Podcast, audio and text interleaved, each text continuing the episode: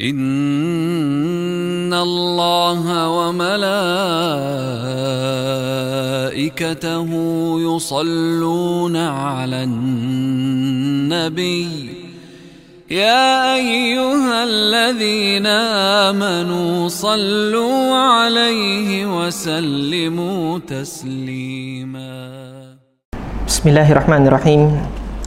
إن الحمد لله نحمده ونستعينه ونستغفره ونعوذ بالله من شرور أنفسنا ومن سيئات أعمالنا من يهد الله فلا مضل له ومن يضلل فلا هادي له وأشهد أن لا إله إلا الله وحده لا شريك له وأشهد أن نبينا محمدا عبده ورسوله اللهم صل وسلم وبارك على نبينا محمد وعلى آله وأصحابه ومن اهتدى بهديه واستنى بسنته ila yaumiddin amma ba'd alhamdulillah uh, ikhlas kalian yang dirahmati oleh Allah Subhanahu wa taala kaum muslimin di manapun berada yang uh, menyaksikan siaran live ini ini insyaallah alhamdulillah uh, Allah memberikan taufik kepada kita untuk melanjutkan kembali pelajaran sirah nabawiyah kita yang kita ambil dari kitab Ar-Rahiq Al-Maktum yang uh, insya Allah pada pertemuan kali ini kita melanjutkan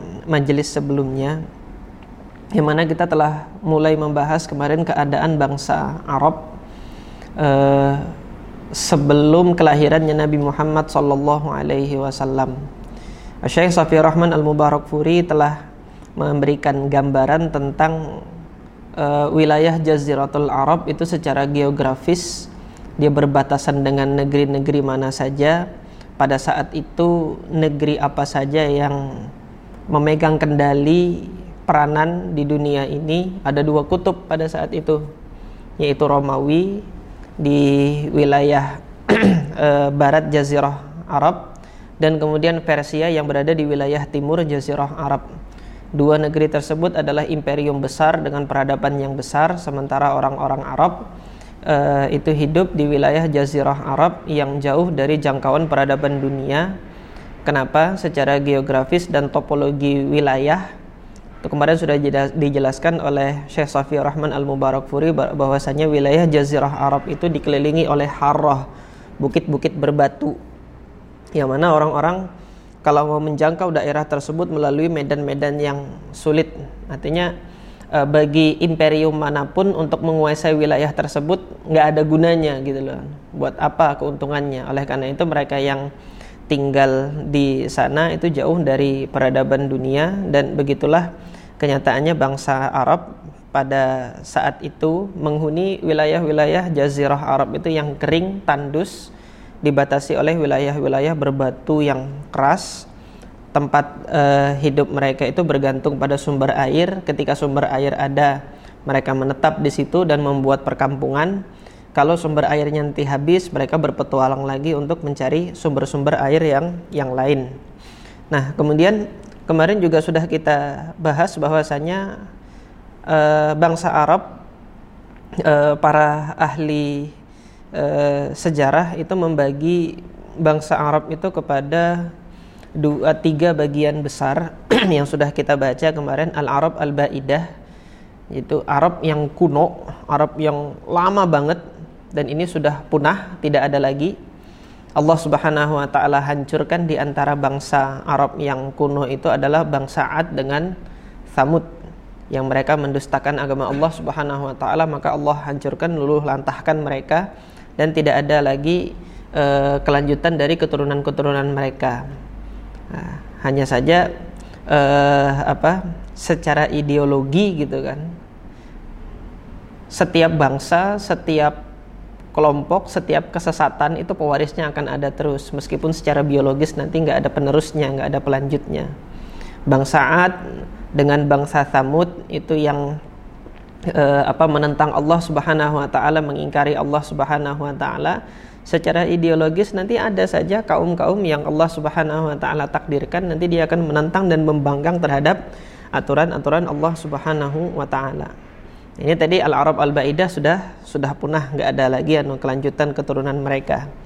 Kemudian eh, bagian kedua dari bangsa Arab yaitu Al-Arab Al-Aribah yang kemudian dikenal dengan Al-Arab Al-Qahtaniyah yang asalnya itu dari wilayah Yaman nanti akan dijelaskan rinciannya oleh Syekh Safiur Rahman Al-Mubarak Furi di sini yaitu Al-Arab Al-Aribah.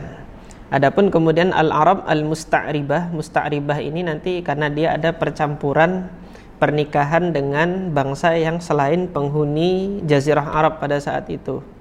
Ya, yang mana tidak lain Al-Arab Al-Musta'ribah ini adalah keturunannya Nabi Ibrahim alaihi salatu wassalam.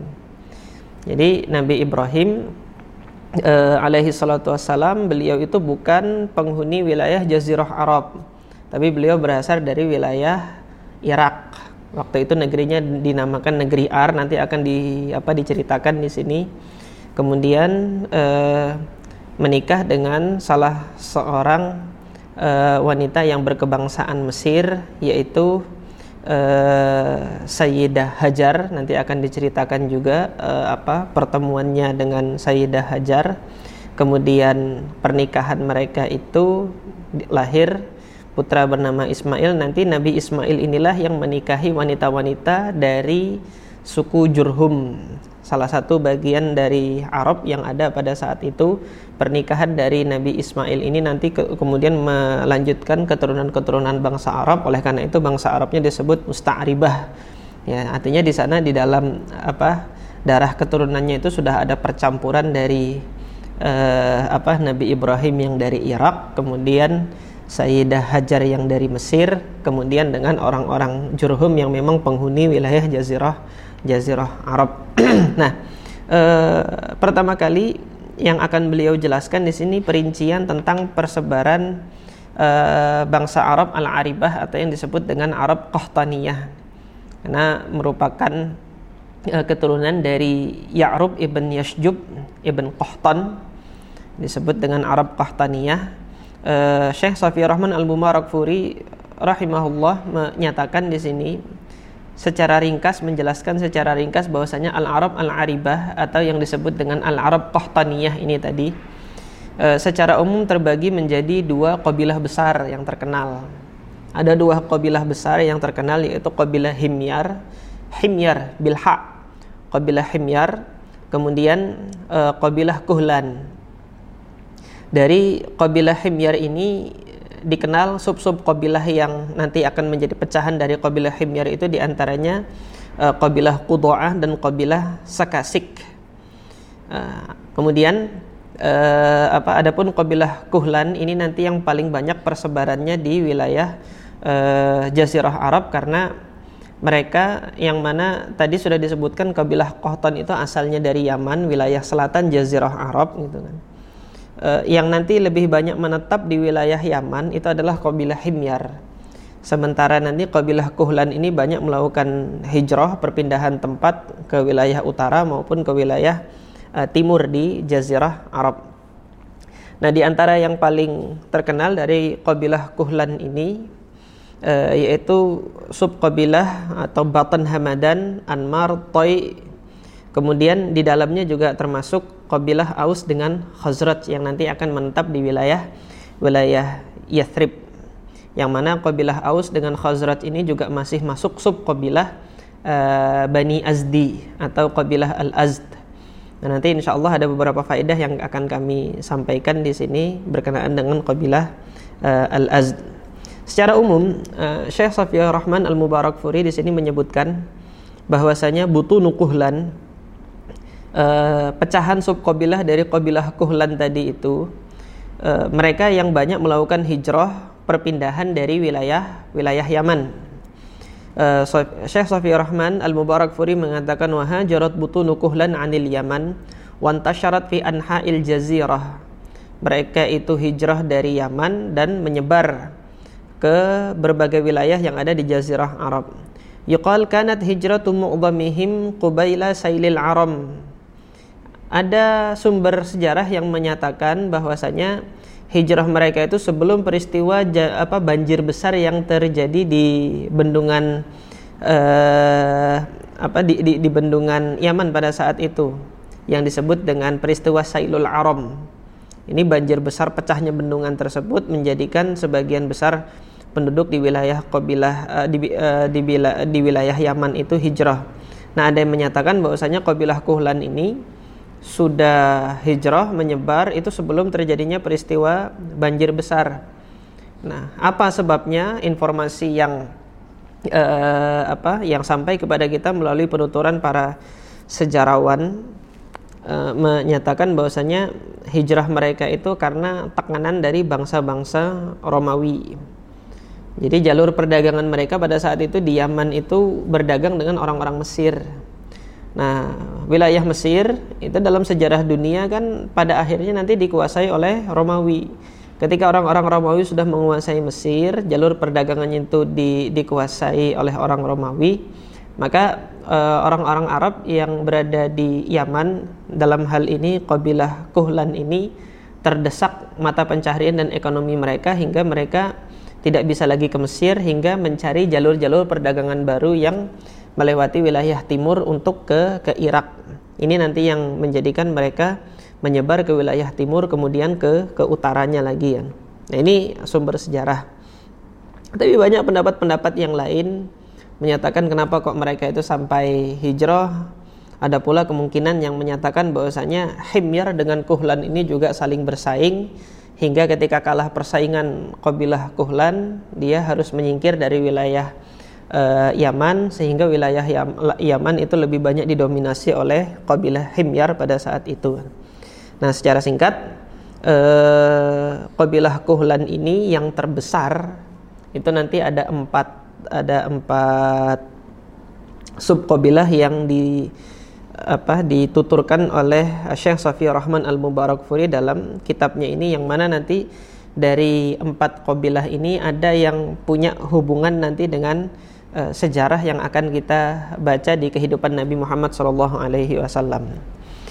Sub kabilah pertama dari kabilah Kuhlan yang tadi merupakan apa saingan dari kabilah Himyar ini tadi gitu kan yaitu kabilah Al-Azd kabilah Al-Azd ini nanti dari kabilah Al-Azd inilah yang akan lahir nanti suku Aus dan Khazraj yang akan me, uh, apa menetapi di wilayah Yathrib di Madinah yang nanti akan menjadi kaum muslimin yang dikenal dengan apa namanya itu eh, kelompok Ansor yang Allah namakan mereka sebagai sebagai Ansor. Nah ini di kabilah Al Azd.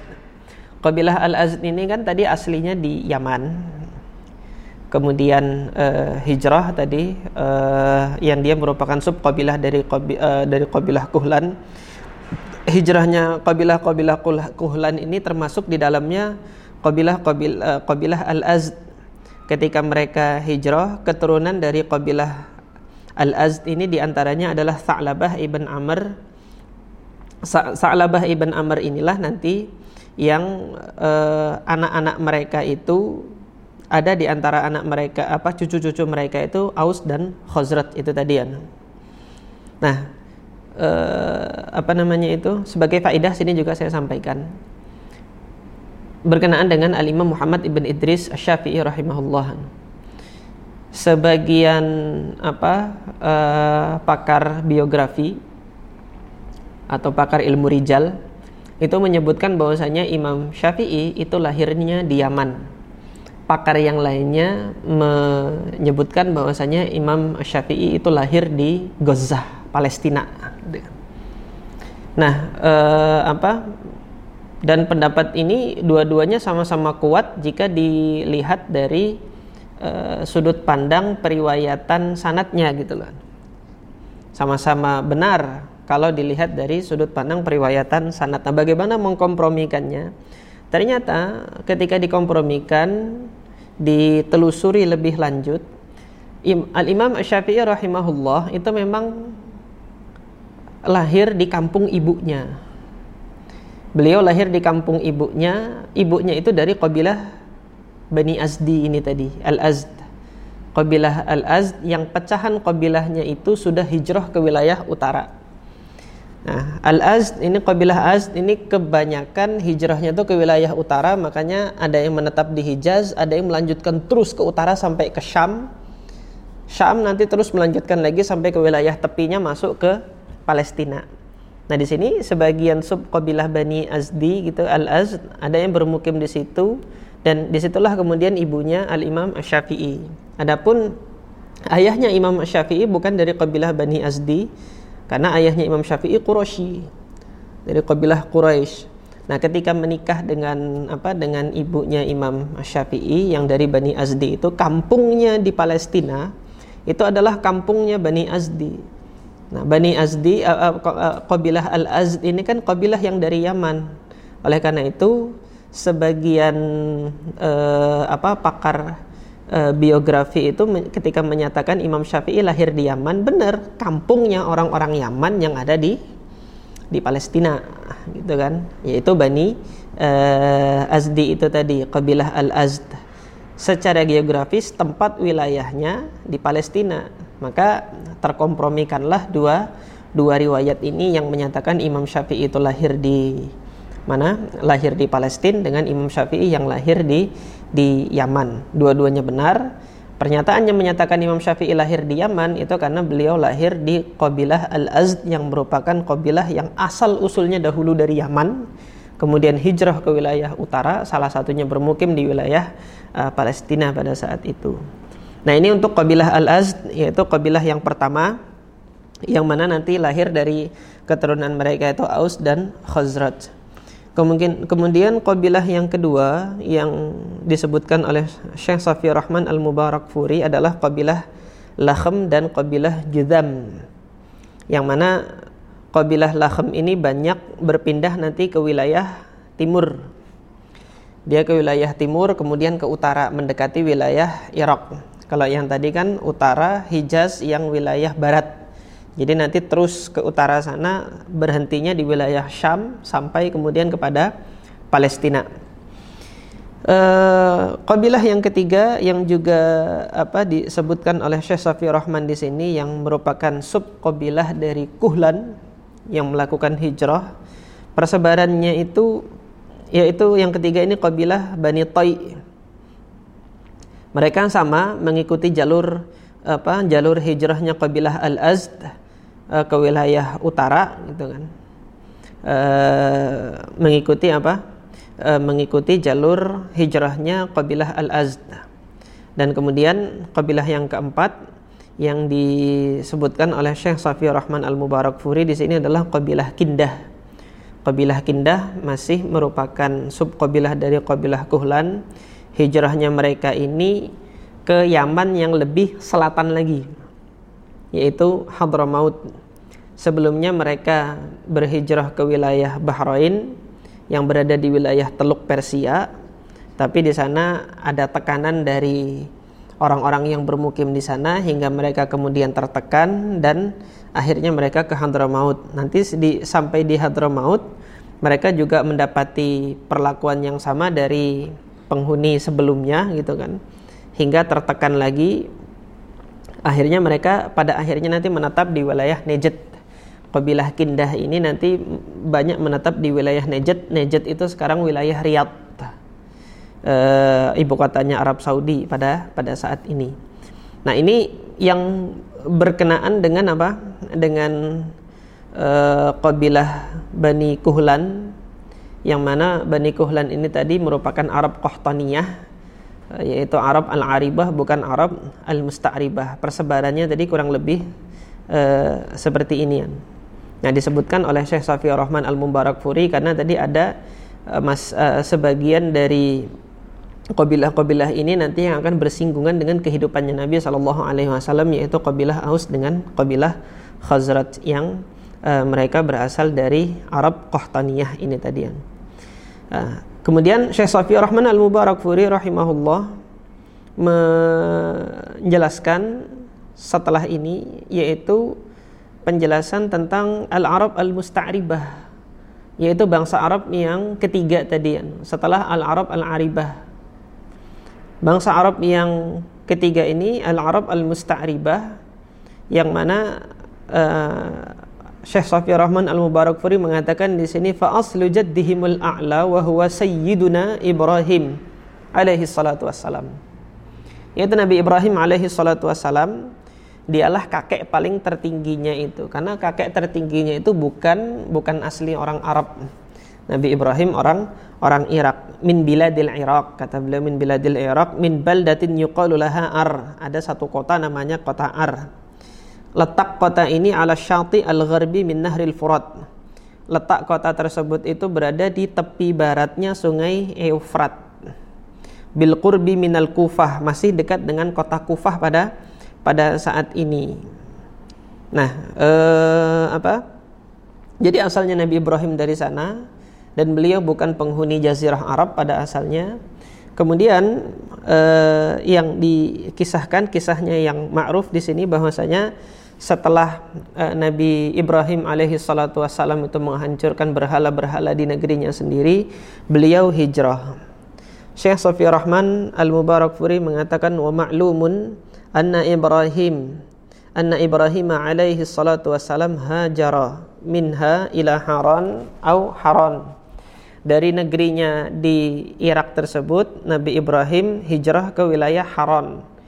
Haran wilayah Haran berada di Syam. Wa minha ila Palestin dari Haran kemudian Nabi Ibrahim menuju Palestina. Di Palestina itulah kemudian Nabi Ibrahim berdakwah. Fattakhadha qa'idatan li da'watihi.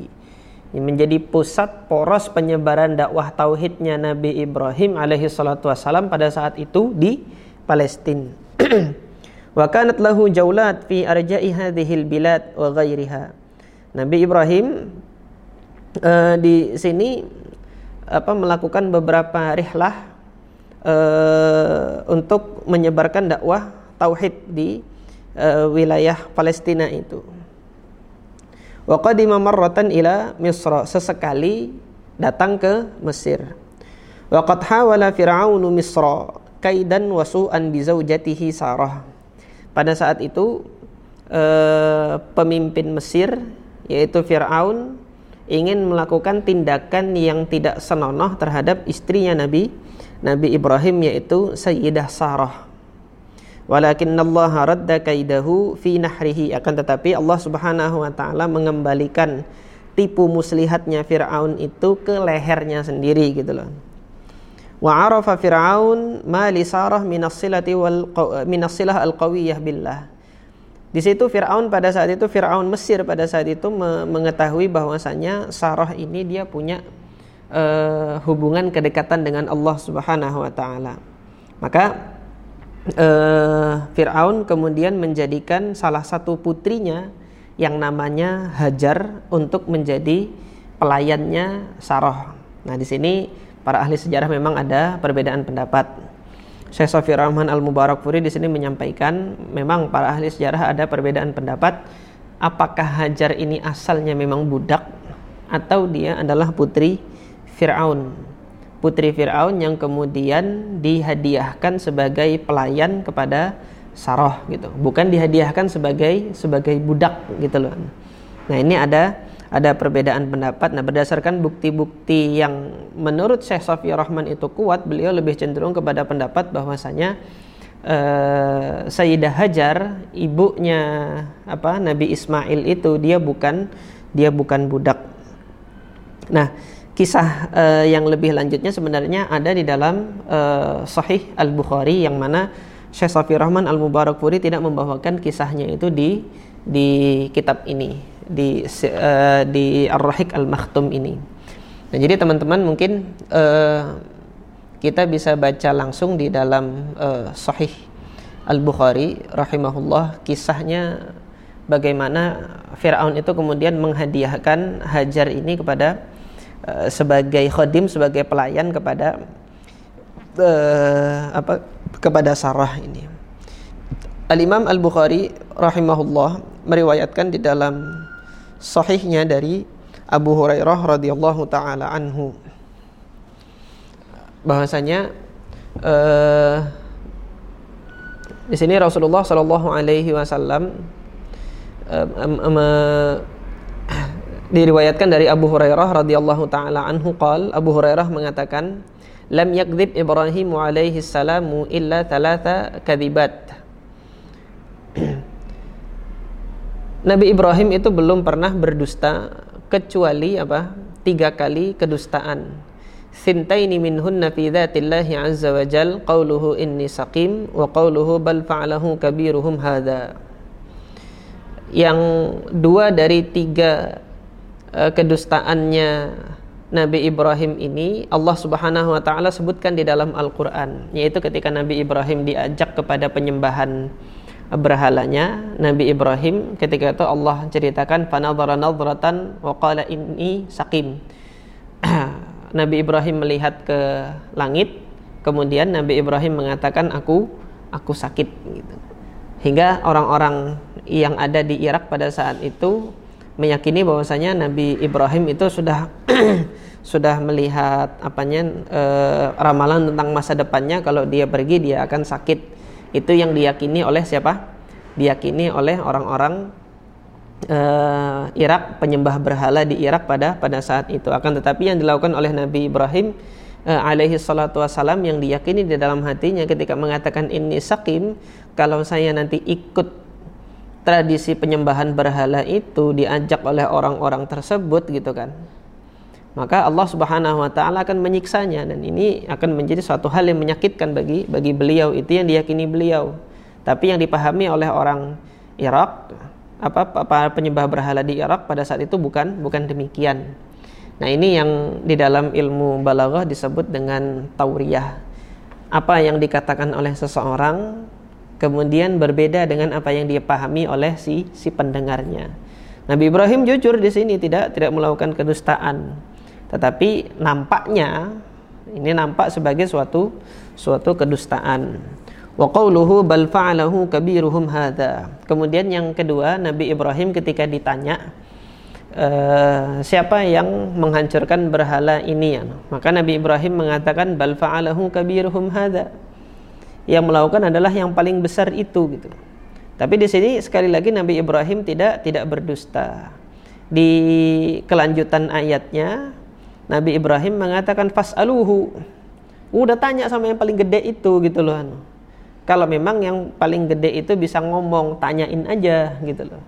Jadi kelanjutannya demikian. Ini di, boleh jadi dilakukan yang besar itu gitu kan. Tanyain aja dia yang paling gede itu kalau dia memang bisa ngomong. Nah, di sini Nabi Ibrahim hakikatnya tidak melakukan kedustaan tetapi dipahami oleh siapa?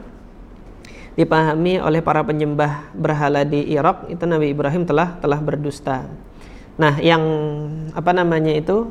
Yang ini itu kan e, dua disebutkan oleh Allah dalam Al-Qur'an dan satunya lagi baru diceritakan dalam sunnah Nabi Shallallahu alaihi wasallam yang diriwayatkan oleh Al-Imam Al-Bukhari di sini yaitu kapan ketika Nabi Ibrahim itu tadi ke Mesir gitu kan. Nah, di sini ketika Nabi Ibrahim itu ke Mesir gitu kan. Baina huwa dhata yaumin wa sarah in ata ala jabbarin minal jababirah faqila lahu innaha huna rajulan ma'ahum ra'atun min ahsa, min ahsanin nas. Jadi ketika masuk wilayah Mesir anak buahnya Fir'aun Mesir itu mengatakan ini ada seorang laki-laki bersama dengan wanita yang paling cantik gitu kan.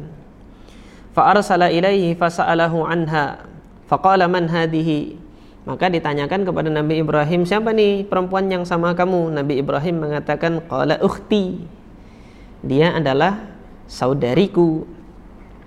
Fa'ata Sarah, maka kemudian Nabi Ibrahim datang kepada Sarah mengatakan, "Ya Sarah, wahai Sarah, laisa ala wajhil ardi mu'minun ghairi wa ghairaki." Di muka bumi ini belum ada yang beriman kepada Allah Subhanahu wa taala kecuali saya dan kecuali kamu gitu. Kata kata Nabi Ibrahim. Wa inna hadza sa'alani. Ini orang ini nanya kepadaku. Fa akhbartuhu annaki ukhti. Aku kabarkan kepada mereka bahwasanya engkau ini adalah saudariku gitu kan. Fa arsala fa arsala ilaiha. Maka kemudian nanti kalau dia datang kepada kamu jawab sebagaimana yang aku uh, katakan kepada kepada mereka. Maka dibawalah si siapa si Sarah ini kepada Firaun itu tadi yang tadi di oleh Syekh Safi Rahman Al Mubarakfuri diceritakan fa'arada biha su'an ingin uh, um, apa uh, punya kehendak yang buruk terhadap terhadap Sarah ini tadi. Fa'arsala ilaiha falamma dakhalat alaihi dhahaba yatanawaluha biyadihi. ketika sudah dibawa Sarah ini menghadap kepada Firaun ini melihat kecantikannya Sarah langsung apa bernafsu untuk meraih Sarah. Yatana fadzahaba yatana waluha segera untuk meraih mau mengambil menarik Sarah. Biadihi dengan tangannya. Faukhida langsung dia tertahan. Kaku beku nggak bisa ngapa-ngapain. Ketika beku kaku nggak bisa gerak nggak bisa apa gitu kan. Maka Fir'aun ini tadi mengatakan kepada Sarah udu'illah li doakan kepada Allah Tuhanmu itu gitu kan untukku. Wala adurruki saya janji nggak akan membuat kamu celaka kalau kamu apa mendoakan uh, kepada Tuhanmu itu yang didakwahkan kepada oleh oleh saudaramu Ibrahim itu gitu kan. Tolong doakan kepada Allah. Fada'atillah fa'utliqa. Doa kepada Allah baru kemudian lepas. Sudah lepas bisa gerak lagi mau ditarik lagi mau diperkosa lagi siapa Sarah ini. Maka berdoa lagi. Ketika mau mengambil beku lagi. Fa mithlaha au maka sama seperti sebelumnya bahkan lebih menyakitkan lagi. Maka minta sekali lagi ud'illah. Tolong berdoa kepada Allah li untukku agar melepaskan aku ini. Wala adurruki. Saya enggak apa enggak akan mencelakakan kamu. Berapa kali sudah? Dua kali fada'at fa'utliqat uh, fada'at fa'utliqa. Berdoa kemudian dibebaskan dilepaskan. Fada'a ba'dha hajabatihi. Maka kemudian uh, apa Firaun ini tadi memanggil siapa? Anak buah anak buahnya. Dipanggil. Sudah dua kali dia mencoba kayak gitu. Malah yang keduanya kakunya itu tertahan lebih kuat lagi daripada yang sebelumnya Ketika yang apa kedua ini sudah seperti ini tahu bahwasanya ini orang bukan orang biasa, bukan manusia. Maka dipanggil anak buahnya kemudian ditanyakan innakum lam ta'tuni bi insanin. Kalian ini nggak membawakan manusia buat saya gitu. Innama ataitumuni bi syaitan. Kalian ini bawa setan ke sini. saya nggak bisa ngapa-ngapain ini.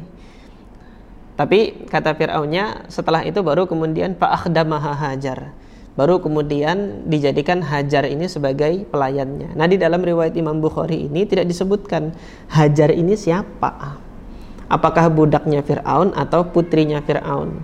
Syekh Sofi Rahman Al-Mubarak Furi ini mendapati eh, apa informasi dari literatur yang lain bahwasanya Hajar ini adalah salah satu dari putrinya Fir'aun sebagai bentuk penghormatan dia terhadap Sarah karena memang Sarah ini dia lihat dia bukan manusia biasa.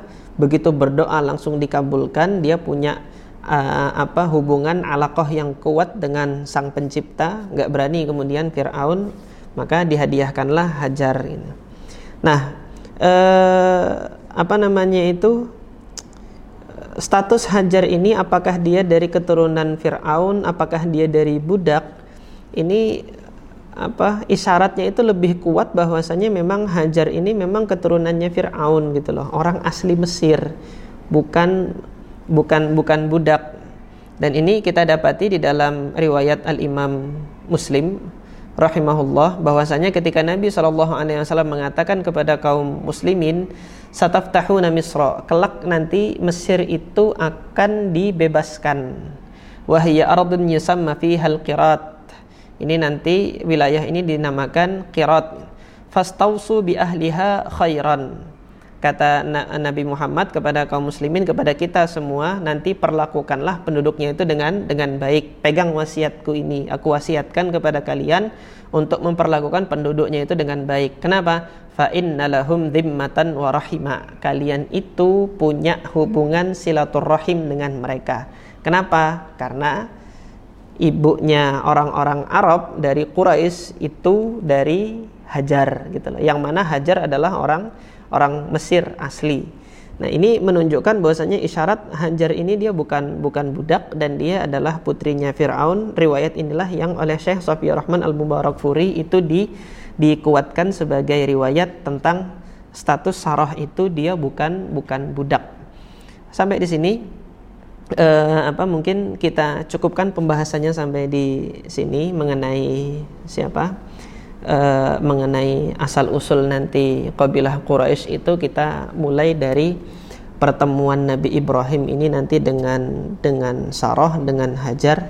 Dan insya Allah nanti pada pertemuan selanjutnya pekan yang akan datang kita akan melihat kisah uh, apa setelah menikahnya Nabi Ibrahim dengan Hajar dan apa yang terjadi dengan Nabi Ismail pada saat itu kemudian pertemuan Nabi Ismail dengan kabilah Jurhum hingga uh, lahir dari keturunan beliau itu uh, kabilah uh, Kinanah kemudian dari Kinanah itu lahir uh, apa Quraisy. Dan dari Quraisy itu ada Bani Hashim. Dari Bani Hashim kemudian Allah pilihkan Nabi kita Sayyiduna Muhammad sallallahu alaihi wasallam ini yang dapat kami sampaikan pada kesempatan pertemuan uh, kali ini Mudah-mudahan Allah Subhanahu wa taala memberikan taufik hingga kita bisa melanjutkan pembelajaran kita. Subhanakallahumma rabbana wa bihamdika asyhadu an la ilaha illa anta astaghfiruka wa atubu ilaik. Assalamualaikum warahmatullahi wabarakatuh.